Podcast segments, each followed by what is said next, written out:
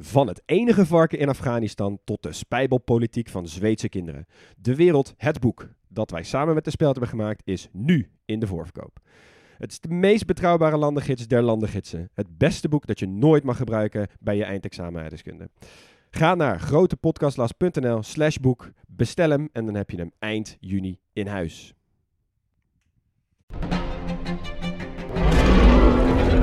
Maarten van Rossum en ik, Gijs Rademaker, nemen je mee naar de tijd van de dinosauriërs. Ja, jij vindt het gemene beesten Ik vind het gewoon eigenlijk. gemene beesten. Ja, Kijk, nou, kijk naar ze. Beesten zijn niet gemeen. We zijn het eigenlijk nooit eens. Maar T-Rex is toch veel sexier. Nee, ik vind de kakkerlak net zo sexy als T-Rex. Ja, ik zie dat je daar moeite mee hebt. Voor iedereen die vroeger al van dino's hield en nu nog steeds een beetje, luister naar DinoCast. Die Woche entführen wir euch im grossen Podcast-Las ins Fürstentum Liechtenstein. Entdecken mit uns ein Land, das stolz auf die doppelte Binnenlage, malerische Alpen und mittelalterliche Burgen ist. Erleben mit uns, wie Tradition und Mo- Moderne in einem vom kleinsten, aber reichsten Länder auf der Welt aufeinandertreffen. Willkommen im Liechtenstein.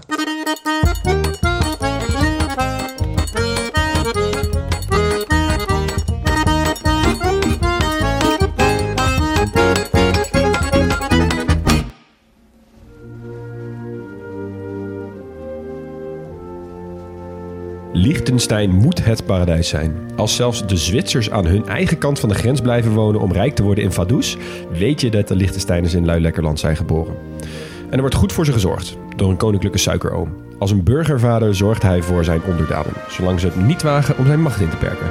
Dit is geen ceremoniële mascotte, maar een ouderwetse heerser. Als Liechtensteiner kun je 's ochtends op de thee bij de vorst, dan even de grenzen over voor een duik in de Bodensee, smiddags apres-ski in Sankt Anton en zelfs dan ben je nog voor het donker thuis. Dit is dus niet de allerslechtste plek om een Mili-landje te stichten. Als ze nog een plek hebben voor drie liefhebbende geografen, dan houden wij ons aanbevolen. Zo, zeg dat, hé. Zo. Ik, Ooit geweest, Liechtenstein? nee, en ik ben er Ja. meteen de enige volgens mij van ons drie. Ja ik, ja, ik ben er volgens mij wel geweest, maar ik weet het niet helemaal zeker eigenlijk. Heeft een als verpletterende indruk Ik kan achtergelaten. het zeggen. Ja, nee, nee. Als, ja, wij gingen vaak naar Italië en eh, Oostenrijk en Zwitserland met de auto. En dan kom je hier langs. En ik geloof dat we er wel eens voor de grap in zijn gereden. Oké, dan zal ik je vertellen. Misschien dat, dan moet je wel echt bewust gedaan hebben. Want de snelweg die net langs Liechtenstein loopt... ja. Eh, waarmee dus de Liechtensteiners van A naar B komen... die ligt dus in Zwitserland. Ja. ja, nee, je moet er wel echt vanaf. Ja, Ja. Maar dat hebben, ja, dat, volgens mij heb ik dat gedaan. Leon, jij weet zeker dat je hier geweest Ik bent, ben hier een paar jaar geleden geweest. Ja, wij zaten bij eh, vrienden van vrienden die eh, woonden net over de grens. Daar zullen we het straks over gaan hebben, over die mensen. En we hadden racefiets mee. Dus wij zijn eigenlijk ja, vrij... We hebben, ik heb gewoon het hele land doorgefietst. Is het het land waar je het kortst bent geweest? Ik denk het wel, ja. Ja, Ja. als je het vliegvelden niet meerekent. Ja, doe maar niet. Maar dan, dan ja. Zo. Dit is ook het enige land... Want je hebt er niet geslapen. Ik heb niet geslapen, maar ik ben er dus ook niet geweest met een auto. Niet met een vliegtuig, ik ben alleen met een fiets geweest. Ja, precies. Dat is ook het enige land ter wereld waar ik alleen met een fiets ben geweest. Dit is wel een mooi wapenfeit. Ja. Liechtenstein vond ik wel echt een van die landen... waardoor ik deze podcast zo leuk vind. Ja, inderdaad. Omdat je weet dat het er ligt. Je weet dat je zonder die podcast nooit de moeite had gedaan om je te verdiepen in Liechtenstein. Want ja, zo is het nou eenmaal. Maar ja, er is gewoon heel veel. Het is gewoon een land dat gewoon helemaal vast zit in, de, in gewoon alleen maar van kroegfeitjes. Ja, ja, inderdaad. Ja, vooral stukjes. Ik Ja. zit ook nog steeds na te genieten van onze aflevering over Vaticaanstad. Wat natuurlijk ook zo'n staartje is. Waarbij Ja. je weet van oké, dit wordt heel dol. Helemaal gek. Ja, ze zijn achtbaan. Maar Ja. ik het tegen Max voor de, voor de opname. Liechtenstein is ook zo'n landje wat, wat het kan hebben. Zeg maar, je moet nooit naar beneden trappen in je humor. Ehm, maar Liechtenstein, die, die kan je echt flink gaan, jullie helemaal we gaan kapot. Helemaal kapot je mag maken, ze wel belachelijk maken om de shit die ze doen. Wat ik wel leuk vind is dat er ook gewoon eh, geen groter denkbaar verschil kan zijn tussen Papua Nieuw-Guinea vorige week en Liechtenstein nu. Ja, inderdaad. Ja. Dus eh, nou ja, daar gaan we dan. Eh, met jullie welbevinden. Of moesten jullie nog wat kwijt? Nee Ja, hoor, nee, mooi. ga je gang. Dan eh, ja, eh, in de Alpen dus, Liechtenstein. Klein landje. Eh, ingeklemd tussen westerbuur Zwitserland, oosterbuur Oostenrijk. Heeft een beetje de vorm van het symbool van het Britse pond. Ga eens kijken en dan kun je ook niet meer dat ons zien. zeg maar. En ik kreeg van Hug van een tipje mee ook als een mini Luxemburg. Want het is een beetje de kleine versie van hoe Luxemburg eruit ziet. Ja. En als je dan een mini Luxemburg bent, dan weet je dat je geen groot land bent. Samen met Oezbekistan zijn ze ook het enige doubly landlocked land van de wereld. Ja, dus dat betekent dat, hun, dat zij zelf geen kustlijn hebben en al hun buren ook niet. Nee, en dat is dus, dit vind ik altijd zo moeilijk, want kan iemand hier eens een keer een fatsoenlijk Nederlandse term voor verzinnen? Ja, inderdaad. Doubly landlocked. Binnenstaat, toch? Ja, een dubbele binnenstaat. Maar binnenstaat zegt niet wat het is. Landlocked zegt precies wat het is. Ja, een dubbel kustloos land. Laten we dat eh, maar even dopen hier dan. We hebben er ook niet zo heel veel meer nodig, dus dat scheelt ook. Ehm, de oppervlakte, ja, we zeiden dat al, het is klein. 160 vierkante kilometer. En daarmee net zo groot als Aruba of de gemeente Peel en Maas. Ehm, hebben jullie enige idee van de, zeg maar, de, de, de, de schaal waarop Europese landen groot of klein zijn? Ehm, wie zijn de kleinste en waar moeten we Liechtenstein zien in dit verhaal? Ja. Eh, ja, Vaticaanstad en Monaco zijn kleiner. San Marino ook, denk ik. Marino denk ik... Nou, ja, ik denk dat het niet veel scheelt met San Marino. Ik denk dat Andorra ietsje groter is. Ja, Andorra en Luxemburg zijn wel groot. Dat klopt. Je hebt eerst Vaticaanstad, dan Monaco, dan San Marino, dan Liechtenstein en dan Malta. Oh, Oh, ja. ja. en vanaf dan zijn het ook eigenlijk al niet echt meer mini-staatjes, zeg maar. Nee. Dan kom je bij Andorra en Luxemburg. En Luxemburg en zo, ja, En precies. Eh, ze hebben iets van 40.000 mensen. Net zoveel als de gemeente Oude IJsselstreek. Ja, de- dat is de schaal waarop we meten vandaag. Ja. De hoofdstad is Vaduz. Ehm, en het is een beetje, een, ja, van noorden naar zuid is het een beetje een, land, een langgerekt land. Dus de westelijke helft is een dal en de oostelijke helft zijn bergen. Vaduz ligt een beetje halverwege. En net iets ten noorden daarvan heb je Sjaan. En dat is de grootste stad. Grootste, tussen aanhalingstekens. En in het noorden grenzen ze ook aan de Oostenrijkse wereldstad Veldkirch. ja, daar heb ik dus geslapen. Daar heb jij geslapen. Ja. Nou, dat is ook niet heel veel. Maar daar willen dus ook wel veel mensen dichtbij in de buurt wonen. Dus dat is een beetje het zwaartepunt qua demografie. Eh, de Zwitserse frank is waar ze mee betalen. Ze zijn overwegend katholiek land. Ze spreken Duits, maar dan wel in een Alemannisch dialect. Ja, zoals je hoorde in de intro. Ja, het is een beetje, ja, precies, een beetje een verzamelgroep van dialecten die je ook wel, eh, die zie je ook wel in Zuid-Duits en ook het Zwitser-Duits. Dat is een beetje die groep. Ja. Eh, de achternamen zijn Buchel, Markse, Beck, Friek, Voogd en Schädler. En de vlag zijn twee horizontale banen, blauw en rood, met linksbovenin een kroon. En we weten allemaal sinds de aflevering van Haiti dat in 1936 die kroon erop gezet is, of in 37 volgens mij, omdat ze er in 1936 tijdens de Olympische Spelen achterkwamen dat ze dezelfde vlag hadden als Haiti. Ik wil zo graag bij dat moment zijn Ja, geweest. en ik wel echt mooi dat Liechtenstein iets daaraan heeft gedaan. Ja.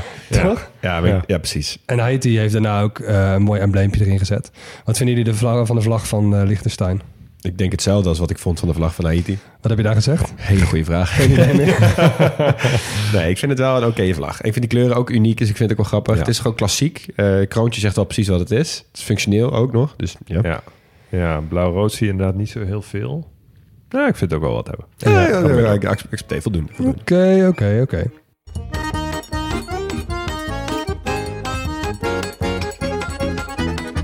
Liechtenstein, bevolking, geschiedenis, politiek. Eh, even snel de bevolking, want ja, niet super boeiend, maar wel een mooi cliffhanger voor een economiehoofdstukje. Eh twee derde van de mensen is Liechtensteiner. Een derde van de mensen is een verzameling van Zwitser, Oostenrijker, Duitser, Italiaan, Portugees. En alle andere landen die graag meeliften op belastingparadijs Liechtenstein. Ja. Dat is even wie er allemaal wonen. Wat wel mooi is, is eh Liechtenstein is natuurlijk niet heel bekend in de wereld. En ik kreeg, ja, ik kreeg een heel mooi bericht van een vriend van de show, Sam. Eh, die heeft een vriendin, die is Liechtensteinse. Eh, dat is natuurlijk, zit vol met mooie feitjes. Dus hij vertelde ook dat zijn vriendin een keertje naar de VS vloog. En toen de douane van de VS geloofde gewoon niet dat dit een echt paspoort was. En hij zei van, als je dan toch een keer een paspoort namaakt... doe het dan in ieder geval van een land dat bestaat. Ja, heerlijk. En hij zei ook, dit gebeurt zo vaak dat er dus in het paspoort een kaart staat met Liechtensteins locatie. Zodat je Echt? bewijs hebt dat het land bestaat. Heerlijk. Wat vet. Dat is echt heel vet om te, eh, om te horen. Dus hebben we dat gehad, de demografie. En dan gaan we eens even goed de geschiedenis in. En voor iedereen die maar een paar minuten heeft om dit hoofdstukje te luisteren... doe gewoon eventjes het begin hiervan. Want als er één vraag is die je al hebt over Liechtenstein... als je dat al hebt, dan is het natuurlijk vooral waarom zij een land zijn. Dus dat ga ik Ja. hopelijk proberen uit te leggen in dit hoofdstukje. Als je wat langer de tijd hebt, dan kom je bij alle gekke dingen... die er bij Liechtenstein komen kijken. Dus blijf ook maar gewoon luisteren. Wat we moeten weten over Liechtenstein is dat ze al lang onderdeel zijn geweest van het Heilige Roomse Rijk. Dus daar pakken we hem even op. Dat gebeurde ongeveer rond begin van de 10e eeuw. Eh, dus dat is zo'n beetje de, de jaartelling waar we, waar we naar gaan kijken. Als je Karel de Grote kent, dit is het rijk dat hij stichtte. En er kwamen daarna nog een heleboel andere Karels en Jozefs en Ferdinands en zo. Maar eh, dit is echt een belangrijk rijk geweest. En het heeft bestaan tot de Napoleontische tijd rond 1800. Ja. Zij noemden zichzelf het Heilige Roomse Rijk. Eh, en dat was vooral omdat ze zichzelf een voortzetting van het Romeinse Rijk. En ze hadden ook met de paus afgesproken dat ze zichzelf heilig mochten noemen. Dat is een beetje een statusdingetje. Ja. Dus dat is eh, de naam van het, eh, van het Rijk. Maar qua identiteit was het vooral een Duits Rijk. Dus wat wij nu ook kennen als Duitsland was het kerngebied van het Rijk. En het zou later ook het Duitse Rijk worden. Dus dat ontstond uit dit Rijk. Moet je dus even weten. En Liechtenstein was daar dus een deel van. En wat je moet weten over eh, dat Heilige Roomse Rijk, wat je nog meer moet weten, is dat het ehm, voor een deel rechtstreeks onder controle van de keizer viel. Maar een grootste deel was een soort vereniging van allemaal kleine gebiedjes, die uiteindelijk wel onder de soevereiniteit van die keizer stonden, maar die wel heel veel autonomie hadden. En ze hadden ook heel veel mooie statussen van al die gebiedjes, dus die ook wij in Nederland allemaal kennen. Dus dingen als graafschap, hertogdom, inderdaad, prinsdom, bisdom, aartsbisdom. Sommige steden waren dan ook weer een eigen identiteit. Dus dat waren dan vrije steden. Dat waren allemaal statussen. Dit is ook een beetje waarom de kaart van Duitsland tot de tijd van Otto van Bismarck eruit ziet als een hele grote lappendeken. Ja. Nou, Liechtenstein was dus zo'n lapje. En dat lapje had heel veel geluk dat keizer Karel VI tegen het graafschap van Vaduz en de heerlijkheid van Schellenberg zei van worden jullie samen maar een vorstendom. En dat Heilige Roomse Rijk was dus wel een beetje een, een rijk om een beetje te netwerken. Hè. Dus kreeg je zo'n ander statusje en zo. En dat hadden zij dus heel goed gedaan. En dat, dat stukje land werd geregeerd door het Huis Liechtenstein. Een van de oudste adellijke families van Europa. En die hebben het nog steeds in de handen. En dat samengevoegde stuk land ging dus ook Liechtenstein heten. Dus vandaar de naam van het land. Kijk. Vanaf de 17e eeuw verloor de keizer van het Heilige Roomse Rijk steeds meer zeggenschap over de lapjes van dit lappendeken. Dat is natuurlijk het risico, hè, dat hij steeds meer autonomie gaan krijgen. En toen kwam Napoleon buurt en toen was het helemaal klaar. Dus dat Heilige Roomse Rijk dat implodeerde en Napoleon stopte eigenlijk alle Duitse gebiedjes bij elkaar als een soort van confederatie. Ja, Die kreeg je ook de Duitse bond zo, en, de, Rij- en de Rijnlandse bond. En dat Die, ja, precies. Die leverde de Duitse bond op. Een beetje saai, maar moet dat wel gewoon even zeggen. Staatkundig gezien. En daar zit Liechtenstein dus ook in als land. Eh, en die waren vooral vrienden met Oostenrijk. Nou, die Duitse bond, waar zij dus in zaten, die raakte in 1866 in oorlog met Pruisen. Dus een beetje het noordoostelijke deel. En de inzet was een beetje wie, wie het voor het zeggen kreeg in de Duitsstalige wereld. Dus je kunt dit een beetje zien als de Duitse burgeroorlog. Ja. En Liechtenstein die dacht van ja, hallo, wij zitten hier helemaal in het meest zuidwestelijke puntje. Eh, dit is niet echt onze oorlog, dus wij blijven neutraal hierin. Maar wat we wel gaan doen is, we gaan wel een paar soldaten leveren eh, aan Oostenrijk. 80 stuks. Dus die gingen daarheen en die gingen lekker oorlog voeren. En die maakten onderweg terug vrienden met een Italiaanse soldaat. En die Italiaanse soldaat die, ja, die dacht van ja, jullie zijn best wel cool. Dus na de oorlog kwamen ze met z'n 81 terug. Ja. Dat is weer een nieuwe ingezetene van het land. Dit is echt positieve oorlogsvoering. Gewoon met meer mensen Maar er terugkomen. was dus ook niemand gestorven. Nee, Nee. nee. en die kwam gewoon met één persoon meer terug. Dit is zo Ja, goed feitje. lekker bezig. Want Oostenrijk verloor die oorlog wel dus. Ja, die verloren die oorlog wel. En daarna kwam dus een tijd waarin Otto van Bismarck en zo... al die mensen die gingen dan Duitsland verenigen. Ja, dus Maar- Pruisen werd het dominante koninkrijk eigenlijk. Ja, Ja, in dus Duitsland daarmee vormen, ja. vervielen ook al die kleine lapjes. En het waren in totaal waren 343 lapjes van dat heilige, heilige Roomse lappendekentje. En Liechtenstein is daarvan het enige lapje dat nog een onafhankelijk land is. Ah, oké. Grappig. Dit is Ja. wel eigenlijk een lekker kroegfeitje. Tof. Hoezo lekkere diplomatie van Liechtenstein? Dan moet je ze toch geven. Ja. Ehm, leuk detail over het Heilige Roomse Rijk is dat zij ook dezelfde melodie gebruikten als volkslied als het VK. God Save the King. Dus dat melodietje bestond al langer. En dat is nog steeds het Liechtensteins volkslied. En in 2010 moest Liechtenstein een voetbalwedstrijd spelen tegen Schotland. En werden ze keihard uitgejouwd door de Schotse fans.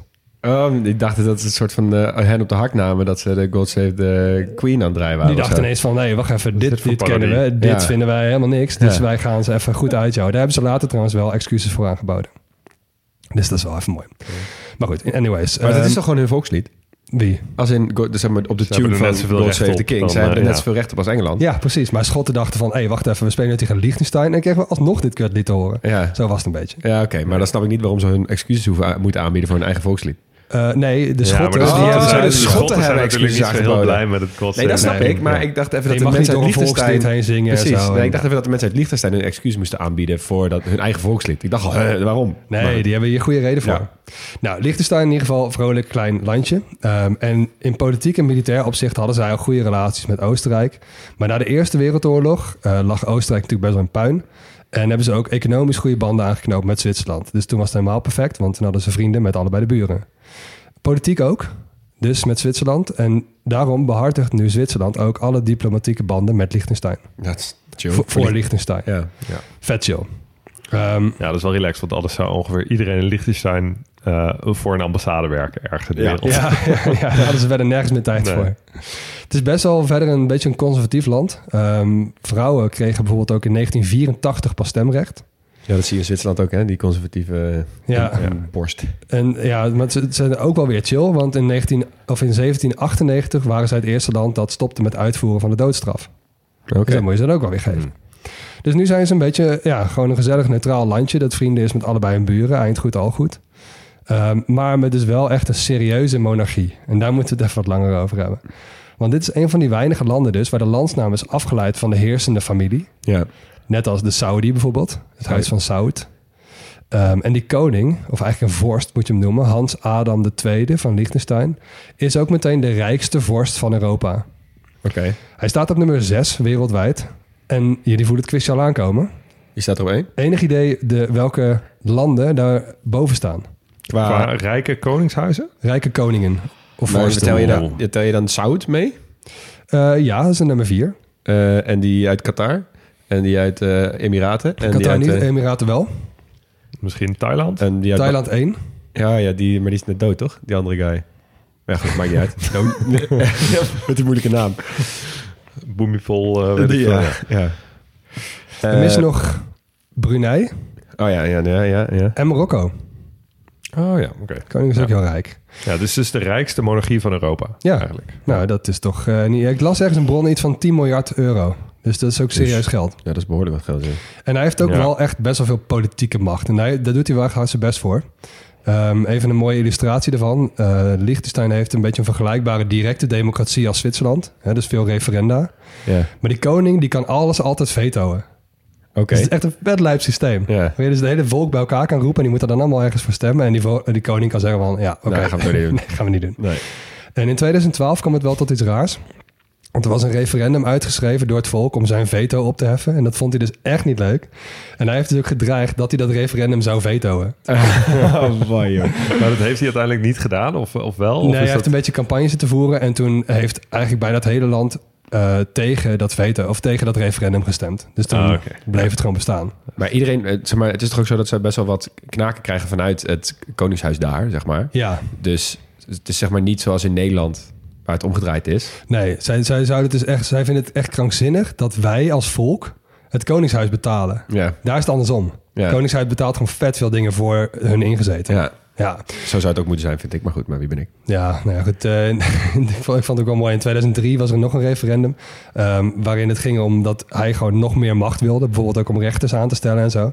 En hij staat nogal bekend om zijn pittige uitspraken. Dus hij heeft in aanloop naar het referendum gezegd: van ja, jongens, wat willen jullie nou? Eh, als ik niet wil, of als jullie niet willen dat ik dit voor jullie ga cheffen, bel gewoon Bill Gates. En vraag of hij het wil doen. Dus hij heeft een beetje Ja. bij wijze van grapje gewoon Het land te gezegd van... ja, dan, dan, dan verkoop ik gewoon het land en dan ga ik wel in Oostenrijk wonen. maar goed, nogmaals, toen hebben ze dus wel gewoon weer voor dat referendum gestemd... waarin hij dus nog meer macht kreeg. Oh ja. En ehm, Het klinkt een beetje als een soort vader die af en toe boos wordt op zijn kinderen, maar intussen wel gewoon zijn best doet om, om eh, de goedzak, hè? eh, Ja. allemaal met goede bedoelingen. En koopt cadeautjes, geeft zakgeld. jawel, dat wel inderdaad, ja. Ja, ja dus eh, ik, dat is dus die Sam, die luisteraar van ons, die, die zei ook van... zijn schoonmoeder vindt het echt krankzinnig dat wij betalen voor ons koningshuis in plaats van andersom. Ja, Echt ja. een mooie. Eh, hij zei ook trouwens dat als je 18 wordt daar of afstudeert... dan krijg je ook gewoon een uitnodiging voor een meet and greet. En voor een glas wijn met de vorst. ja. Dus dat kun je doen als je een klein landje hebt, weet Ja. je. Ja. Ze hebben bijvoorbeeld ook een, klein, een, een Koningsdag op 15 augustus. En dan mag je gewoon allemaal langskomen. Op de borrel. Ja, ik kreeg gratis bier, las ik ergens ook. Ja, Ja, maar er, ja, kwamen zoveel, er kwamen zoveel mensen op af, ook van buiten, dat ze dus nu, je moet wel tickets hebben. Maar heb je dan, heb je dan en een je- ticket voor het land nodig? Ja, misschien wel. Het is gewoon één dag. Nee, vol- fysiek. ik, ik dacht dus dat alleen mensen uit Liechtenstein daar naartoe mogen. Dus je kan er niet als toerist een beetje wijnproeverij Nee, komen doen. zich. Of als Ah, maar of gewoon, zo. eh, het is gewoon een besloten feest voor de Ja. hele bevolking. Een soort Sunneklaas, maar dan Liechtenstein in het. Ja, precies. Nou, als je daarheen gaat, misschien zie je dan ook wel prinses Angela. Beetje hun Meghan Markle. Dus niet Angela Merkel, maar ja, Markle. Ehm, Wauw. eh, zij is 65 al wel, dus wel iets ouder dan Meghan Markle. Maar het is wel een mooie vergelijking, want zij is dus eh, ze is de vrouw van de tweede zoon van de huidige vorst. Dus wel gewoon deel van de koninklijke familie. Is geboren in Panama, opgegroeid in de VS. Eh, ze is een modeontwerpster. En zij was de eerste Afro-Amerikaanse vrouw die zichzelf een plek trouwde in een regerende Europese familie. Oké. Ja. Super vet. ja, goed. Die, eh, Vandaar snap ik ook de Meghan Markle eh, vergelijking. Ja, ik Ja, zeggen, die, die was, die was ik, waar was ik ook nog niet helemaal. een mini cliffhangertje, maar nu, nu begrijp je die. Ja. Ehm, die vorst trouwens, die Hans Adem, die zit wel nog, nog steeds wel op de troon. Maar in de praktijk regeert zijn zoon, Alois, al eh, sinds 2004. Oké. Weet je, om van die Elizabeth Charles-achtige praktijken te voorkomen, weet je wel? Ja. Nou, En Even, jij zegt Hans Adam. Ja, Bij, bij, bij Vorsten heb ik altijd geleerd, je moet even opzoeken hoe ze helemaal heten. de tweede. Nee, ja, precies. Maar, want je krijgt altijd heerlijke, een heerlijke butsnamen erbij. Oh, je wil nu een half uur van de aflevering gaan Ik kapen heb, even opgezocht, ik heb even opgezocht. Het. het valt bij hem op zich wel mee, maar ik vind het wel een mooie traditie om het bij Europese vorstennom erin te houden. Dus bij deze. Hij heet in het echt Johannes, Adam, Ferdinand, Alois, Jozef, Maria, Marco, de Aviano, Pius. Oké, genoeg inspiratie Ja. voor eh, Ja. voornamen van eh, jonge ouders daar. Precies. Ehm, dan nog even kort wat buitenlandpolitiek, want ze zijn natuurlijk vrienden met Zwitserland. Eh, maar ze krijgen nog wel eens te maken met een militaire invasie. Eh, maar dat is vooral als Zwitserse troepen tijdens de militaire oefeningen de weg kwijtraken en per ongeluk in Liechtenstein belanden. Dat is toch eigenlijk best wel moeilijk, want dan moet je de Rijn over. Ik bedoel, dat Oostenrijkse troepen dat overkomt, snap ik. ja, aan de bergkant. Maar, ja. ja, Het is al drie keer gebeurd. ja, bizar. Dus het is ook niet één keer. Maar ja, goed, drie keer dus. Ja. Maar de Zwitsers hebben ook al heel lang niet geoefend in oorlogsvoeren. Hè? Dus ze zijn ook gewoon slecht in dit soort dingen. Ja, precies. nou ja, goed, voorlopig zijn de banden wel goed met ze. Ehm, maar ze hebben dus wel echt één echt internationaal geschil. Die moeten we ook wel even bespreken, want het is een serieuze zaak. Eh, maar toch, als wij bij machten waren om alle wereldproblemen op te lossen... dan wordt dit denk ik wel degene met de minste prioriteit. Maar ja, toch even doen. Eh, ze hebben ruzie met Tsjechië. Wel met een best wel goede reden. Want na de Tweede Wereldoorlog was Tsjechoslowakije helemaal klaar met alles wat Duits was. Dus hebben ze alles en iedereen eruit gegooid. Alles onteigend. Ook het landgoed van ene Frans Jozef II. Klinkt Duits. Maar hij was dus de vorst van Liechtenstein. Ah. En dat Liechtenstein gewoon een onafhankelijk en neutraal land was tijdens die oorlog... dat ging er in Tsjechië even niet in. Dus in feite ging dat daar ook om een landgoed... dat tien keer zo groot was als Liechtenstein zelf. Wow. Ook gewoon met twee kastelen die UNESCO-erfgoed zijn en zo. En nu is Liechtenstein dus altijd nog vet boos. Maar Dat is terecht ook. Ja, oké. Ja, en dan? Dan wordt het straks Liechtensteins. Nou ja, goed. ze eh, een enclave. Nee, maar dan wordt het in ieder geval gewoon zijn bezit weer. Dat was ja. van de familie. Ja, dat was van de familie. Ja, oké, check. En dat Dus, paste eh, natuurlijk niet helemaal in de, de communistische eh Nee. waarden van het- Tsjechoslowakije. En het de waren wel de Duitsers, dus 20e ja, dat werkt ook niet meer. En toen Het zij waren communistisch Duitssprekende. werden inderdaad, toen hebben ze ja, gewoon alles... goed, eh, ja, ja, sorry hoor, Liechtenstein. Maar het is toch ook een beetje passé om enorme landgoederen te hebben in andere landen en die dan als de jouwe te claimen. Precies. Ja, maar goed, dat is, een Ja. ander, eh, dat, is, dat, is een, dat is een ander verhaal. Dat hij hier op zich een punt heeft, daar, nou ja, goed, daar kunnen wij wel iets over zeggen. Maar gelukkig hebben ze het voorgelegd aan het Europese Hof van de. Stop de podcast, want onze sponsor van vandaag is niets of niemand minder dan de Philips Sonicare. Jazeker, de elektrische tandenborstel van Philips. Maar wel eentje die er poetst en ook zo uitziet. Want eh, de borstels van deze Philips Sonicare zijn ovaal en langwerpig en die bewegen heen en weer net als bij een normale tandenborstel. Oh, dat is chill, want Max, jij poetst nog altijd analoog, toch? Ja, Of ik had- ik had daar, voordat je eh, deze kreeg. Ja, ik had daar één pk voor nodig inderdaad. ja. Ja, Dat deed ik altijd zelf. Ja, dus wij kregen er eentje. En eh, ik dacht, nou, ook om jullie te vermaken, maar ook om mezelf. ehm, ik ben even de geografische geschiedenis van de tandenborstel ingedoken. Dus, Dat was een mooi onderzoek zeker. heerlijk. Waar denken jullie dat de eerste tandenborstel, of in ieder geval tandenpoetssituatie, ontdekt is? Ja, we kunnen niet, het kan niet anders dan dat we dit al heel lang doen. Echt sinds de oudste beschavingen. Ja, nou, Ja. je zit ongeveer juist. Want ehm, wat ik vond is dat Babylonische koustokjes de vroegste vorm Wow. van mondsverzorgingsdingen zijn. oh, dat is ook nog wel ouder dan ik had verwacht. Ja, dus 3500 voor Christus. Ehm, eh, eeuwen later ontwikkelden de Chinezen tijdens de Tang-dynastie de eerste tandenborstel met echt borstelharen. Eh, en die innovatie die heeft Europa bereikt via de zijderoute, dus de klassieke variant, en werd uiteindelijk in Frankrijk gespot rond het jaar 1560. Dan skippen we even vooruit naar ehm, de Brit William Addis. Want die zat in 1770 in de cel. En die zag een gevangenisbewaarder met zijn bezem de grond schrobben. En die dacht, hé, hey, wacht eens even.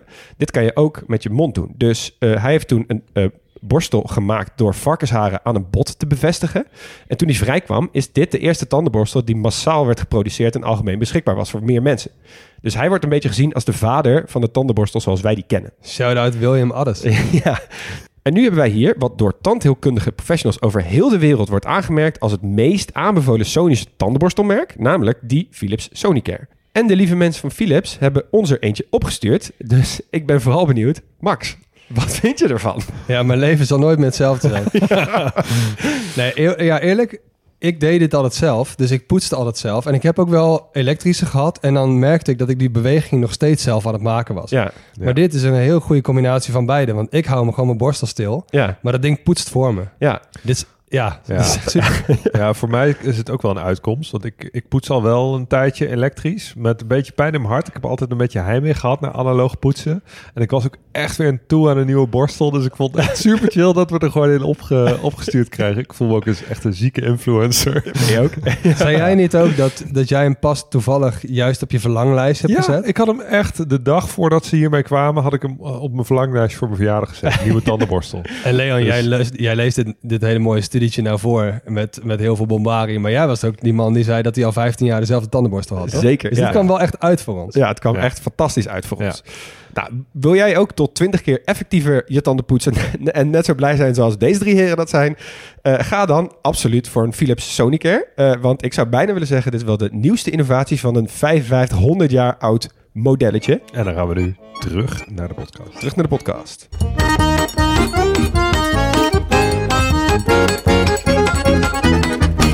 De rechten van de mens. Oh. Ook daar zijn er nog wel issues die meer urgentie hebben, denk ik. Maar eh, het Ja. ligt daar in ieder geval. Dus wie weet hebben ze binnenkort weer een stukje eigendom erbij. Ik heb echt geen honden in dit gevecht, dus eh, succes hiermee.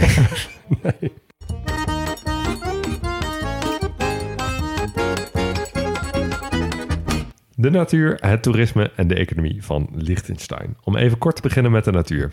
Ehm, het is een land met prachtige natuurlijke grenzen. Eh, we hebben genoemd de westgrens eh, met Zwitserland is dus de Rijn. De oostgrens eh, met Oostenrijk zijn vooral bergen. Ehm, het ligt in het noordelijke deel van de Alpen. Maar de Rijn is nooit ver weg, dus heel hoog wordt het ook weer niet. De Grauspitz in het zuiden is het hoogste punt. 2599 meter. Dus toch een stuk beter dan mij. Dat wel, ja. Ja. Echt laag wordt het ook niet, want de Rijn die stroomt hier op eh, 430 meter boven zeeniveau. Dat doen wij wel een stuk beter. Eh, ja, zeker. Nou ja, het is je het bekijkt. Eh, iets ten noorden van Liechtenstein komt die Rijn trouwens uit in het Bodemeer. Dus daar, je zit een beetje pal onder de oostelijke oever van het Bodemeer. Ik heb het denk ik nog nooit in mijn leven Bodenmeer genoemd. Ja, Nee, sorry. Bodensee, hè? Nou ja, Bodensee, goed, ja, ja. Bodensee is nou eenmaal een, eh, een onnodige... eh, hoe zeg je dat? Ja, verduitsing, ja. Je zegt ook nooit de Noordmeer, toch? Nee, dat Nee. Is, maar ja. Nee, oké, we gaan verder. Eh, het klimaat is, is tamelijk mild voor een Alpenland. Dat heeft het te danken aan de föhn. De föhn dat is een windsoort. Dat is een warme en een droge zuidenwind.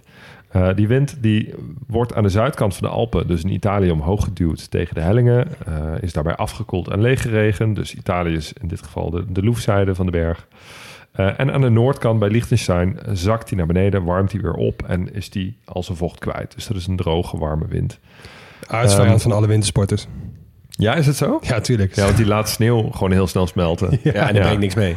En dat brengt niks nieuws mee. Ja, nou ja, precies. Nou, daar hebben wintersporters hier dus last van. Ehm, in Liechtenstein is die bijzonder sterk. Eh, is die echt, echt berucht, omdat het dal van de Rijn hier pal van zuid naar noord loopt. Dus die warme wind, die giert hier door dat eh, dal heen.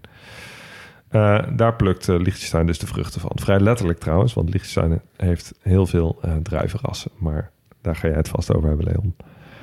Ehm, toerisme. In absolute aantallen is Liechtenstein het minst bezochte land van Europa. Hmm. Ja, maar er komen toch nog wel wat mensen naar Liechtenstein om hun spaarkaart met landjes te vullen. Hey. Zoals ik al dat niet heb gedaan. Ehm, Dat is toch ook wel de enige reden om daarheen te gaan, toch? Want aan de westenkant en aan de oostkant liggen allebei veel serieuzere bergen. En als je toch in de Alpen bent, waarom zou je dan naar Liechtenstein gaan? Ja, dat is waar. Ja, maar Als je toch is. gerelateerd aan het aantal inwoners eh, is, de, is de toerisme-industrie nog best wel groot. Ja, Ehm, nou, wat komen ze dan doen? In de winter kun je natuurlijk wintersporten. Maar ja, inderdaad, het zijn niet de hoogste Alpen. Eh Malboen, dat is het voornaamste skidorp. Dat ligt op 1600 meter. Dus dat is in deze tijden van klimaatverandering niet meer zo'n sneeuwzeker gebied.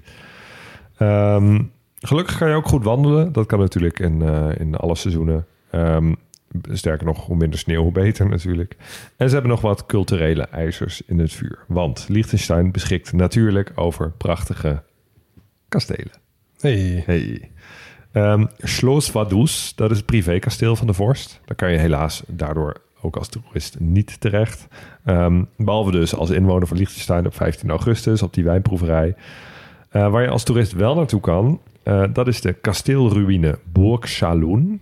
Eh vlakbij Vaduz. Dat ligt eh, niet aan de weg, dus dan moet je, eh, kan je niet met de auto heen. Moet je echt te voet of met de mountainbike. Maar dat ligt in de bossen, echt heel mooi.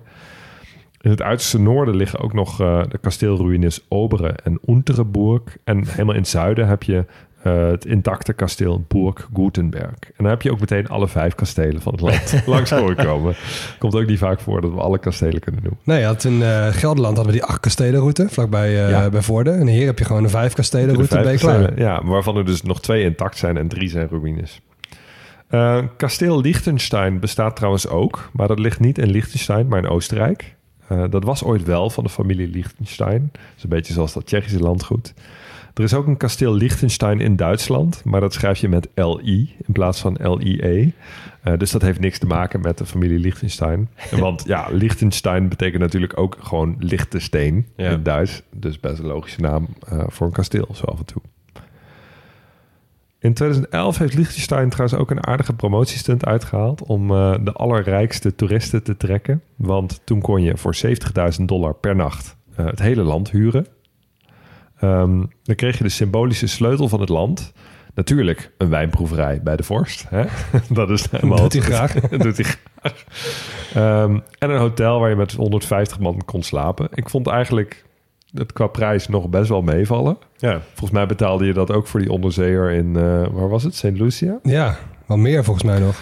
Ja, dus, eh, maar voor zover ik heb kunnen vinden, heeft niemand dit ooit gedaan. Maar het is, het is 70.000 euro, Nee, dollar. dollar. Ja, En je, ik kan met 50 mensen daar slapen. 150 man. 150 mensen. Dus Ja. dat is... Wacht, ik ga het uitrekenen. dat is minder dan 500 dollar per persoon. Ja, Hey, luister. Oké, dat valt toch wel mee? Maar- maar als we, kunnen wij 69... Nee, maar dat kan niet meer, hè? Dit was, dit was een dat is- eenmalige campagne Oh, ooit. wat maar zonde. misschien was het gewoon meer een grap. eh, maar je kon het dus wel echt boeken. En, eh, en het was een partnership met Airbnb. Ehm, maar ja, ik kon niet vinden of dit ooit gedaan is. Ik heb wel gevonden, eh, dat zat eigenlijk in mijn hoofdstukje, maar ik kan hem hier ook wel in gooien. Namelijk dat er iemand is geweest die wel heeft geprobeerd om het hele land te huren, maar dat toen niet is doorgegaan. Dat is namelijk Snoop Dogg. Ja, precies. Hij wilde wilde- een, eh, een nieuwe clip opnemen. Ja, maar, en daarvoor wilde hij het hele land huren, maar dat was te kort dag. En eh, blijkbaar was een of andere, lo- een of andere verhuurmakelaar, Carl Schwetzle, die zei het ging niet door, maar dat was niet omdat het niet wilde of omdat het niet kon, maar juist omdat het gewoon te kort dag was om het voor te bereiden allemaal. Ik vraag me wel even hoe dat eruit heeft gezien als je een heel, heel land afhuurt. Ja, en ik vind het ook wel jammer dat ze dat gewoon hebben opgeheven in het plan.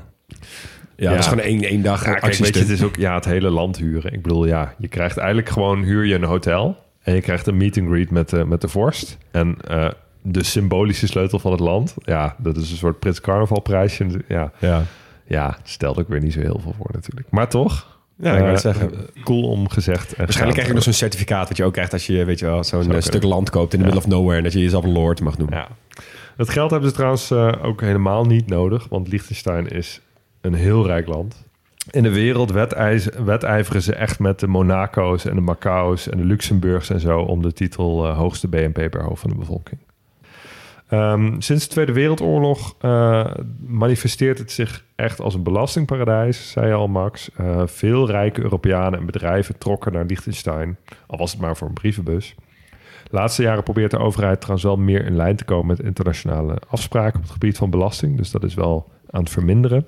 En het is tegenwoordig ook super moeilijk om je er te vestigen als gewone sterveling. Eh, onze vriend van de show Sam, die, eh, die stuurde... ehm, ja, je kan eigenlijk een paar dingen doen. Je kan bijvoorbeeld trouwen met iemand uit Liechtenstein... of een relatie van meer dan drie jaar hebben. Dan moet je ook nog 80.000 euro borg betalen. Eh, of een loterij winnen. Borg? Dus, dus- ja, borg. Dat Krijg je niet dan terug als gekke je- dingen doet. Ja, ja denk het. Dat krijg je een die dan soort- terug als je weer weet ik, van Nederland gaat wonen? Nee, maar het is ook gewoon kapitaal dat je jezelf kunt bedruipen, toch? Een paar jaar. Of een paar dagen in Ja, dat snap ik. Maar, zeg maar ik vind borg dan wel grappig. Zeg maar, je hebt het terug als je of doodgaat of als je naar het buitenland weer verhuist. Ja, ik weet niet precies hoe Sam het bedoelde. Maar ik denk Nee. dat ze het gewoon inhouden. Dat, dat hè, beter gedraag je, anders houden we dit geld. zoiets, ja, dat zou kunnen. Ehm, maar er is dus ook een, eh, een loterij. Ehm, eh, ja, je kan dus gewoon loten. Ze geven, ze geven eh, eh, loodjes weg. 28 mensen bij een, eh, bij een trekking die er mogen komen werken. En 8 die er mogen komen wonen. Per Dat is in. Amerika ook, hè? Dus ieder jaar. Gasten, Ja. serieus, laten we dit lottery. doen. Meedoen aan die loterij. Dat is toch vet? Ja, maar gast, dat- weet je moeilijk opna- opnemen dan wordt? Gewoon met z'n drieën. Maar wil Ja. je er wonen? Nee, maar ik wil gewoon meedoen. Je wil gewoon meedoen. Ja. Oké. Nee, ik wil er gewoon de helft van het jaar wonen of zo. Ja, oké. Ja, ja, goed. Ja, Maar er zijn heel veel plekken waar ik een half jaar zou willen wonen. Maar goed.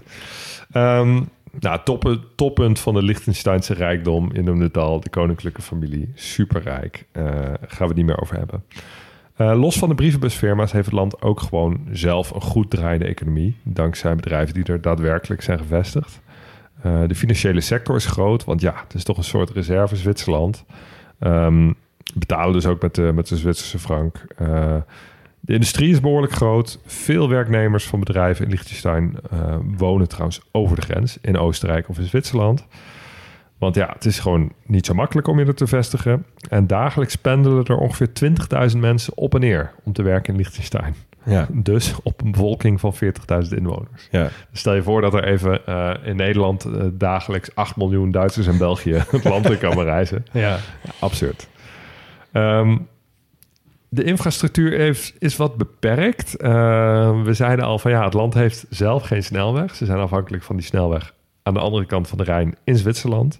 Daarmee eh, kan je heel makkelijk van Noord naar Zuid-Liechtenstein rijden. Eh, hetzelfde geldt voor vliegvelden. Die hebben ze ook zelf niet. Dus profiteren ze van vliegvelden in bijvoorbeeld Zwitserland en, en Oostenrijk. De industrie is ook behoorlijk groot. En eh, dat is eigenlijk vooral te danken aan één specifiek bedrijf. Namelijk de gereedschapsfabrikant Hilti. Ooit van gehoord? Ja, daar. Omdat Ja, die, daar. ja, die guy waar ik sliep toen, die werkt ook bij Hilti. Ja, nou, het is echt een grote speler. Ze staan bekend vanwege hun boormachines onder andere. Eh, zijn voor Liechtensteinse begrippen zeker echt een gigantisch bedrijf. Hou je vast. Ehm, in Liechtenstein werken 2000 mensen voor dit bedrijf. Ja, op, op een bevolking van... Een bevolking van 40.000. 40.000. Stel dat er ongeveer 20.000 daarvan in de werkzame leeftijd zijn. Dan werkt dus 1 op de 10 voor Hilti. Ja. Nou oké, er zijn natuurlijk ook nog werknemers die forensen vanuit Zwitserland en Oostenrijk. Maar Ja. dan nog. Hebben ze ook een Paris Hilti? Ja, ik weet niet hoe ik hierop moet reageren eigenlijk. Ja, ik hoop gewoon dat Hilti gewoon een afdeling heeft in Paris. Ze hebben trouwens ook vestigingen in het buitenland.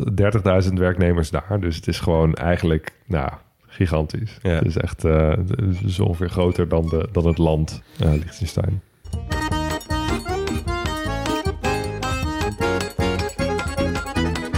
De kunst van Liechtenstein. Ehm, ik kon helaas nergens vinden of de pop-art-artiest Roy Lichtenstein ooit in Liechtenstein is geweest. Wat ik heel jammer vind, want ik, kan, ik vind zijn kunst altijd heel vet. Maar goed, daar moeten we dan maar een latere keer over hebben. Ehm, wat ik wel vond, was een comedyfilm uit 2001, A Night Still. Voor sommigen nog wel bekend, omdat de legendarische Heath Ledger, inmiddels Weilen Heath Ledger, daar Sir Ulrich von Liechtenstein speelde. Ehm, wat een ridder was die eigenlijk een nobody was, die ridder werd omdat ze ehm, eh, moesten gaan eh, zwaardvechten en eh, dat soort dingen gaan doen om te overleven. Ehm, die hele film is natuurlijk gewoon gebaseerd op niks, maar die ridder heeft dus wel bestaan. Dus Sir Ulrich van Liechtenstein, als dat vroeger een, een kindje van je was, dan is dat bij deze bevestigd dat dat een echt mens was. Goed, muziek. Liechtenstein heeft dus nog nooit deelgenomen aan het Eurovisie Songfestival. Weet je waarom? Omdat ze vonden dat al die... Nee, nee, ik ga het niet zeggen. Ja, waarschijnlijk gewoon omdat ze geen lid zijn van de, weet ik veel. eh, Ja, van die Europese eh, radio-unie. die, eh, ja, precies. ja, ik wist helemaal niet dat dat dus een ding was. je moet een omroep hebben. ja, Ja. Oh, en dat zelfs dus als dat je alleen maar aan de Olympische Spelen mee kan doen als je een Olympisch comité hebt. Ja. ja, Zoiets? ja, nou, zo kan je het wel mee vergelijken. Ze moeten dus een, een nationale omroep hebben die lid is van de Europese radio-unie. Ja, precies. Ja. Ja. doe Dat dat, toch gewoon. Dat lijp. Wat, Ja. wat voel je nou te cool voor dit soort dingen, man? Richt het gewoon op. Ga het gewoon doen. En ze waren er dus ooit een keer dichtbij, ergens in de jaren zeventig. En toen hadden ze allemaal een liedje en wilden ze meedoen. En toen kwamen ze daar en toen was het van... eh, ja, maar jullie zijn helemaal niet aangesloten. En toen konden ze niet meer meedoen. Kun je weer naar huis? Ja, kan je weer naar huis. Ik Ah. weet niet of ze er ook fysiek daadwerkelijk ergens waren. Maar goed. Nou, dat is dus jammer. Eh, dus eh, helaas geen leuke Eurovisie Songfestival liedjes. Max, ik weet dat jij hier heel blij mee bent. Maar ik heb wel wat andere artiesten gevonden.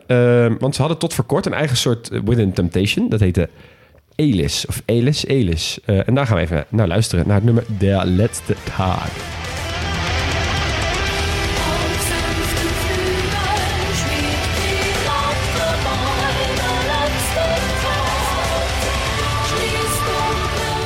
Oh, Duits is ook wel een goede taal voor dit genre. Ja, zeker. Ja. Ja. Ik vind het mooi. Ja, ik ook. En ja, als Willem Temptation, dit lijkt er ook best wel veel op. Eh, en toch? ik denk dat we daar met z'n drieën allemaal wel echt blij om zijn. Met die goth rock van de jaren nul. Ja, ik was toen wel fan. Dus dit is inderdaad ook een nummer uit 2004. Ehm, dan gaan we van iets wat wij alle drie heel erg waarderen... naar iets wat we alle drie enorm kut vinden. Namelijk eh, een soort R&B-achtige autotune artiest. Ehm, die heb je namelijk ook hier. Hij heet Al Walser. Wat ik wel vet vind. Hij is een Afro-Liechtensteinse R&B-artiest. Dus yes, they exist. Ehm, maar hier heb je een stukje van zijn nummer When They Go Low. When they go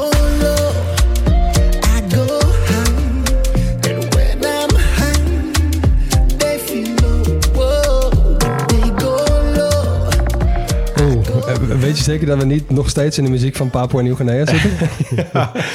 Ja, het is heel Afrikaans inderdaad. Maar dat maakt het misschien ook wel grappig. Maar het is gewoon daadwerkelijk een, een Liechtensteiner. Dus hij kwam in al die lijstjes terug, weet je wel. Die eh Last FM lijstjes van waar vind je iemand nou... eh, waar komt iemand vandaan? ja, klinkt een beetje als die Kevin Little en zo. Van die dingen ook uit de jaren ja, zero's. Ik kan, het kan mij niet bekoren, jongens. Sorry als ik hiermee mensen heb beledigd. Maar ik vind, echt, ik vind het helemaal niks. Laat maar uit je horen dan. Ja, het is Liechtenstein, vriend. Hoeveel muziek denk je dat ik kan laten horen? Ja, ga dan lekker keuken doen of zo. Nee, ik heb nog wat anders leuks. Oh, oké. Ik heb eh, namelijk een veelbelovende artiest. Al zeg ik het zelf. Ik weet niet of jullie het leuk vinden, maar ik vind het wel, eh, ik vind het wel wat. Eh, hij heet Wavy Boy. W-A-V-V-Y Boy. Ik zeg hij, maar het kan ook hen zijn volgens mij. Want hen is heel veel bezig met genderrollen en zo. Maar ik kon nergens vinden of hij, nou hij, hen, zij, whatever is. Ehm, maar het is een soort Liechtensteinse The Weeknd met gitaar. En dit is zijn laatste nummer, Kus.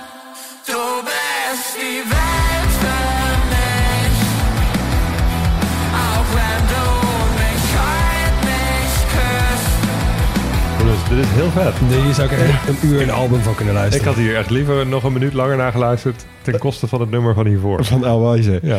Ja, ik vond het dus ook echt heel gaaf. Ehm, eh, zijn nummers wisselen wel heel erg. Dus dit is wel, wel het harde nummer. Andere nummers die zijn eh, misschien iets meer hip-hop en andere is weer iets meer mellow. Ehm, maar hij had nog niet zo heel veel luisteraars. Wel een paar miljoen eh, op, eh, op Spotify, maar echt nog niet helemaal doorgebroken. Maar ik denk dat we nog wel veel gaan horen van, eh, van deze artiest. Wavy Boy dus. Nou, dan gaan we eten. Ehm, qua keuken, het is natuurlijk echt een typische Alpenkeuken. Ja. Ja, eh, het nationale gerecht is keesknupfelen. Oftewel, Is dat kersenspetsel of zo? letterlijk dat. Ehm kratselen zitten in de keuken. Dat kennen jullie waarschijnlijk als Ik ben, ik ben niet zo goed thuis in de, in de Alpenkeuze. Kaiserschmarrn. Oh, Oh ja. ja, ja. Hetzelfde. En ze hebben ook nog een Dreikönigskuchen. Dat is echt zo'n unit van een taart, weet je wel. Ja, in het Alpenland, dan zie je wel een beetje voor je hoeveel kilocalorieën je binnenkrijgt, toch? Ja. Nou, dat hebben ze allemaal natuurlijk Beetje de ook. afmetingen van zo'n grote goudse kaas. Gewoon zo, zoiets. Echt ja, heel groot. Ja, maar dan echt een, een, echt een unit taart. Dus echt, een, nou goed, groots, heerlijk en eh, overdadig. Ehm, een voordeel van het klein landje is, is dat je gewoon een kookboek kunt maken van alle gerechten uit je land. Ja, En dat hebben ze gedaan. dus de, het Liechtensteiner kochboek, dat is een ding. Zo. Het is dus echt een super mooi vormgegeven kookboekje. eh, waar dus alle gerechten en ingrediënten, of alle gerechten in staan die ze in dit land eh, hebben. Wat best wel grappig is. Maar je kon ik kon hem niet nergens, nergens nog bestellen in ieder geval. Maar ik denk dat ze hem daar, dus zullen ze hem dan gewoon, weet ik veel. Misschien is het een beetje een trucje voor toeristen of zo. Maar het is wel iets wat, wat, waar ik veel gerechten op internet van heb gevonden. Ja, ben wel benieuwd. Ik vraag me ook af of ze dan ook rusty eten bijvoorbeeld. Ongetwijfeld. Dus de Ja. Duitsstalige kant van Zwitserland. Nou ja, daar zijn Ja, ze wel aan verwant. Ja, alles wat jij in Zwitserland en Oostenrijk kan eten, vind je hier ongetwijfeld ook. Uh, vlamkuchen Ja. zul je hier ook wel gewoon vinden, weet je wel. Ik heb het niet per se specifiek gevonden, maar goed. Ik heb echt nog nooit vlamkugel op wintersport gegeten. Ja, oh ja, Maar dat komt ook uit de Elzas. Nou, ja. Weet ik veel, ik ben er nooit op windsport geweest. Ah, nee. nee, blijkt. Ehm, eh, een van die dingen, een van de zinnen die voorkomt in dat, eh, in dat kochboek is Rebel, Touch und Holdemaus sind alte gerecht met hand und Faust. Oftewel, Rebel, Touch en Holdemoes zijn oude, zinvolle gerechten. En dat rebel is een soort polenta, gaan we weer, een soort maispapje. Eh touch is een soort pannenkoek en holdermoes is vlierbessenmoes. Dus dit is echt zo'n super, super oud traditioneel gerecht... wat dus eigenlijk vroeger door iedereen werd gegeten... omdat het lekker makkelijk samen te voegen is met de ingrediënten die daar voorkomen. Eh, en nu is het gewoon, wordt het in bijna al die restaurants eh, daar wordt het geserveerd. Klinkt wel erg lekker. Ja, ik weet het niet. Iets met alles met vlierbessenmoes klinkt lekker, heb ik altijd idee. Ik hou wel van vlierbessenmoes. Mag er wel zijn. Ja. Nee, ja, prima. Eh, ik vond ook hafalab. Dat is, een, het, het is niet een, een soort Noord-Afrikaans gerecht wat je met hummus eet, maar een soort poor man's bouillon met maisdumplings, gerookt spek of ham. Niet aanraden om hier naar te googlen, want het is echt gewoon alsof je, ja, het is gewoon Het is precies wat je, wat je bij voorstelt met een soort vleessoep, weet je wel. Met hele aardappels en zo en maisdumplings erin. Tenminste, ik zag er niet, vond het er niet heel appetijtelijk uit, eh, uitzien. Hm. Zijn van die dingen dat als je een half, half uur in je soep gaat roeren, dan vind je nog nieuwe dingen. Zeg maar, de, de echt goed gevulde soep. Ja, en, en, en dat contrast tussen zeg maar een beetje dat bruinige van de bouillon en dan dat, dat extreem roze van die vierkante spekjes, weet je wel. Oh ja. Dat ziet er gewoon meteen bij mij uit dat ik denk, nou, Door die vlier best best maar. Vlier best maar. Exact dat. Eh, qua drankjes, eh, bier, mwah. Eh, ik vond weinig goede ratings op, op de bier-app Untapped. Ze hebben wel wat eigen brouwer, maar ja, dan heb je wel een trippeltje of zo van een de Duits bier, een Weizen, niet, niet heel interessant. Qua wijn doen ze het inderdaad een stuk beter. Eh is ook wel een mooi gevalletje geschiedenis, vond ik. Want er was dus eh, een Franse hugenoot... die bracht de Blauwburgunder, oftewel de Pinot Noir... naar de regio rond de 16e eeuw. En die zei tegen die boeren daar... yo, verbouw dit, want dit willen jullie. Dit is fantastisch. Dit is de nieuwe druif. Nou, zo, zo gezegd, zo gedaan. Dus ze hebben hier dus extreem veel van geplant en gebouwd. En door die feunwind kunnen ze dus inderdaad best wel veel verschillende soorten druiven verbouwen. En dat doen ze dan dus ook. Eh, en dit is dus dan ook nu hun favoriete druif voor rode wijn. Eh, en qua wit zijn ze uiteraard vooral eh, fan van de Chardonnay. Zoals volgens mij bijna alle landen die, eh, die, die witte wijn maken. Ehm, dan de sport. Ehm, ja, voetbal spelen ze hier ook. Ja, niet heel boeiend. Ehm, de voetballer Stefan Lichtsteiner is wel in Liechtenstein geweest. Oh, Hij speelt niet voor Liechtenstein, maar voor... Zwitserland. Ja, en hij heeft ooit een keer thuis in... in, hij, hij- voor hem uit in uh, Liechtenstein gespeeld. Dus dat is in ieder geval Ah, bewijs dat Liechtensteiner wel in Liechtenstein is geweest. In tegenstelling tot Roy Liechtenstein, die dus waarschijnlijk nog nooit in Liechtenstein is geweest. is die Stefan ook die gast die ook bij Juventus heeft gespeeld Ja, en zo? ja, zeker. Dat is hem. Ja, dat is hij. Ja. Rechtsback of zo? Ja, we toch alweer weer Ja, langer over voetbal. Ik wil het niet over voetbal hebben. Want dit land heeft juist iets heel geniaals. Omdat ze eh, met de Olympische Spelen echt een heerlijk setje eh kroegfeitjes hebben. Want hoeveel medailles denken jullie dat Liechtenstein heeft gewonnen? Oh ja, natuurlijk. Eh, nou, Ja, een stuk eh, of 40 of zo? ik denk 11. Ja, het goede antwoord is 10. 40 is wel echt extreem hoog ingeschat. Eh, het is een klein landje, hè, Max? Ik weet niet of je op opgelet afgelopen eh, drie kwartier, maar... Ja, maar ze zijn wel allemaal extreem getalenteerd, rijk. En eh, ze hebben heel veel tijd Dat om gewoon goed te, te sporten. Ja, Ja, maar maar, 11 is alsnog super hoog, hè? ja, en ik wou net zeggen, en Olympische medailles, die haal je ook niet zomaar. Hè? Maar goed, 10 medailles. Eh, allemaal bij het alpine skiën. Twee goud, twee zilver, zes brons. Eh, en dat maakt Liechtenstein het kleinste land qua inwoners dat ooit een gouden medaille heeft gewonnen. Ja. En Ze staan toch ook altijd bovenaan op die lijstjes van medailles per hoofd van de bevolking? ja, Nou, dat is dus- Noorwegen. Ja, of precies. Nog boven Noorwegen. Oh, dat weet ik niet. Maar het is in ieder geval, Liechtenstein staat altijd bovenaan.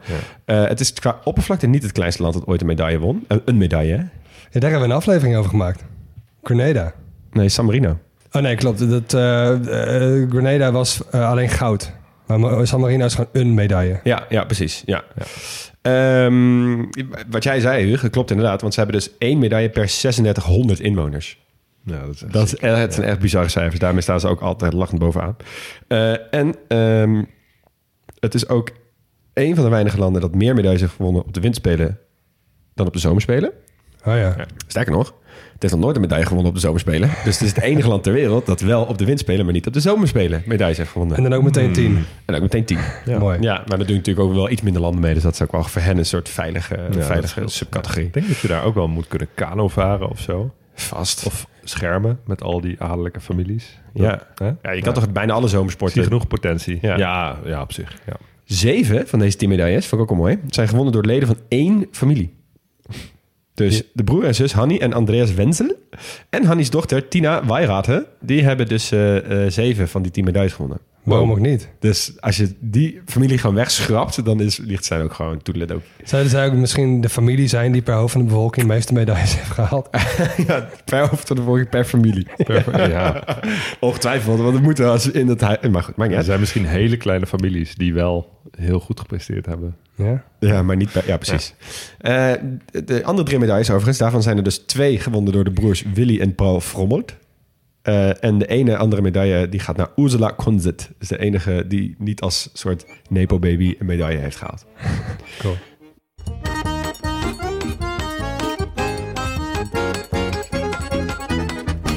Oké jongens, wat maakt het land uniek?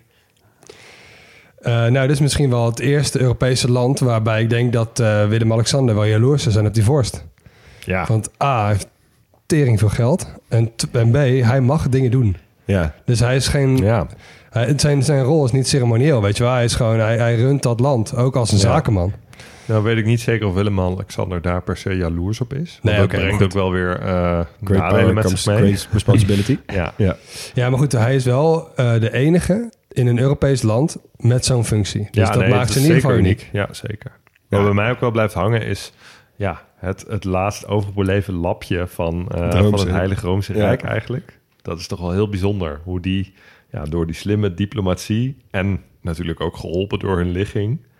eh, net achter Duitsland, of net achter Oostenrijk en Zwitserland, vanuit Duitsland gezien... Ja, dat ze toch die Duitse eenwording eigenlijk eh, ja, gemist hebben en daardoor bestaan. Ja, eigenlijk wel. Ja, dat is een mooi overblijfsel van een, van een eh, vergane tijd. Ja. Denk dat dit ook wel een land is, juist omdat ze zo klein zijn, dat je er heel veel dingen vindt die alleen maar mogelijk zijn omdat ze zo klein zijn. Dus dat je als je 18 wordt, dat je gewoon bij de koning even op bezoek kan. ja. Of vorst, moeten we natuurlijk zeggen. Worst. Ehm, dus dat soort dingen vind ik dan toch wel weer grappig. Ik denk ik dat er heel veel eh, vorsten van hele kleine landjes zijn. Dus bijvoorbeeld zo'n Brunei en zo, weet ik veel. Waar het er heel anders aan toe gaat. Ja, ik denk, ik denk wel trouwens, en dat is ook deels gebaseerd op het feit dat ik er nou, een soort van een paar uur ben geweest eh, en mijn onderzoek, dat dit land moet wel echt zijn best doen om niet heel saai te worden. Denken jullie niet? Er Ja, zijn echt geen randjes meer, zeg maar. Dus ik vraag me af, ja, die Wavy Boy was voor mij echt dat ik dacht, wow, kom je uit Liechtenstein, weet je wel? Want hij zoekt echt de randjes op van, van dingen. Je had gewoon alleen maar Coldplay-achtige bands gevonden waarschijnlijk. Nou, of ja, ja, gewoon- ja, of kijk, wat ik altijd heel erg heb met eh, landen als Denemarken, Zweden, eh, eh, Noorwegen. Waarom er daar zoveel duistere crimi en darke series vandaan komen, is omdat ze het daar allemaal zo fantastisch hebben. Ja. En waarom er alleen maar eh, hele lieve en hele soort oppervlakkige um, soap dingen uit vooral landen in eh, Afrika en Zuid-Amerika komen, is omdat mensen daar nou eenmaal vaker geconfronteerd worden met moord en, eh, en, en, en geweld, zeg maar. Dus ik had echt verwacht, oh ja, Liechtenstein die gaat zich daarin, hè, met, met, Ja, die gaat dat opzoeken. en zo. En, Precies, maar ja. dat heb ik, heb ik niet gevonden. Of ik heb niet goed gezocht. Dat kan natuurlijk ook. Kijk, ze hebben natuurlijk wel een soort... eh, een soort within temptation. Dus dat dan weer wel. Dus ik, kan me, ik had gewoon meer verwacht dat zij tegen Heilig Huisje aan het aanschoppen waren. Dat het gewoon meer was van... Ja, het is hier allemaal aangehaakt. Het hele land is een soort van af. Iedereen heeft het vet goed. Eh, we hebben het hoogste BNP van de wereld ongeveer. Ja. Eh, ik ga me afzetten, weet je wel. Daarvoor van- is de, de groep die zich kan afzetten is misschien gewoon te klein. Ja, bedoel, misschien is dat eh, het. eh, Ja, er Ja. wonen daar waarschijnlijk eh, van de 40.000 mensen... is eh, 36.000 gewoon best wel tevreden met hun saaie, rijke leventje. Ja. Iedereen zit Ja, daar lekker heb je- content te Dat is niet genoeg voor een subcultuur Precies. die serieus ergens tegenaan schopt. En daar bedoel ik met dat ze misschien moeten Ja. oppassen... dat ze niet een beetje te saai worden. Ja. Of gewoon te perfect, weet Ja, je of een soort Valkenburg, soort, hè, soort, eh, inderdaad zo'n soort eh, paradijsje. Ja, ja. ja. Ja, oké. Laat dit een les zijn, Liechtenstein. ja. Get ready, Liechtenstein. Ja, precies. En wat gaan we doen? Eén dag?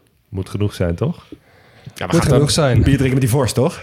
Ja, als tuurlijk. het kan. Ja, Wanneer was ja, het maar goed, 15 dat is- september dat- of zo? Wanneer is het? 15 Ja, maar dat, dat, augustus. dat, dat kan dus niet. Dan moet je uit Liechtenstein komen. Dat gaat dus niet lukken. Ah, Dan wij hebben toch, anders doen. We hebben gewoon een grote podcastlas eh gratis entry. We kunnen echt wel toch wel tegen Ja, die maar dan zeggen luisteren. beter reclame moeten maken, denk ik. Ik vind dat we best goede reclame hebben Nou, gemaakt voor het vorstendom Liechtenstein. Hans Plus- Adam, als je luistert. Ik heb zelfs zijn hele naam uitgesproken. Hans. Ja. Oké. Ik denk dat we heel veel landen hebben gehad waar we onszelf minder restricties hebben opgelegd, toch? Ja, dat is nu zeker. mogen wij even een dagje in Liechtenstein wonen. Ja, kan schelen. ja. En dan gaan we sowieso naar die vorst. Ja. ja, en ik ga ook wel even wandelen. Kastelen bekijken. Door de vorst. vind het wel mooi. Ik, ik hou gewoon van dit landschap. Eh, ik eh, ja, kom erop met die dag. Ja. Ik wil ook wel degene spreken die dat eh, Liechtensteinse kookboek heeft geschreven. Ik denk dat hij niet meer leeft. Want ik zag wel iets dat er een nieuw kookboek is uitgebracht. En dat was vorig jaar of twee jaar geleden of zo. Dus mijn eh, vermoeden is dat dit kookboek al wel mm, 30, 40 jaar oud is. Misschien langer. Misschien leeft die persoon nog. I don't know. Ja. Liechtenstein wordt ze waarschijnlijk ook heel oud. dat zou me niks verbazen. Zou me wel verbazen als het niet zo is. Ja. ja. Oké, we gaan afsluiten. Heel erg bedankt voor het luisteren naar dit hoofdstuk van de kleine podcastlas. Je hoorde Leon Boelens, Max Gertsen en Hugo Noordman. En Jonas van Impe, die doet de eindmontage. Nooit volledig, wel origineel, geen experts, wel liefhebbers. Volg ons op Twitter en Instagram op Grote Podcastlas. En kijk natuurlijk op grotepodcastlas.nl. En volgende week dan reizen we door naar Ivoorkust. Tjus!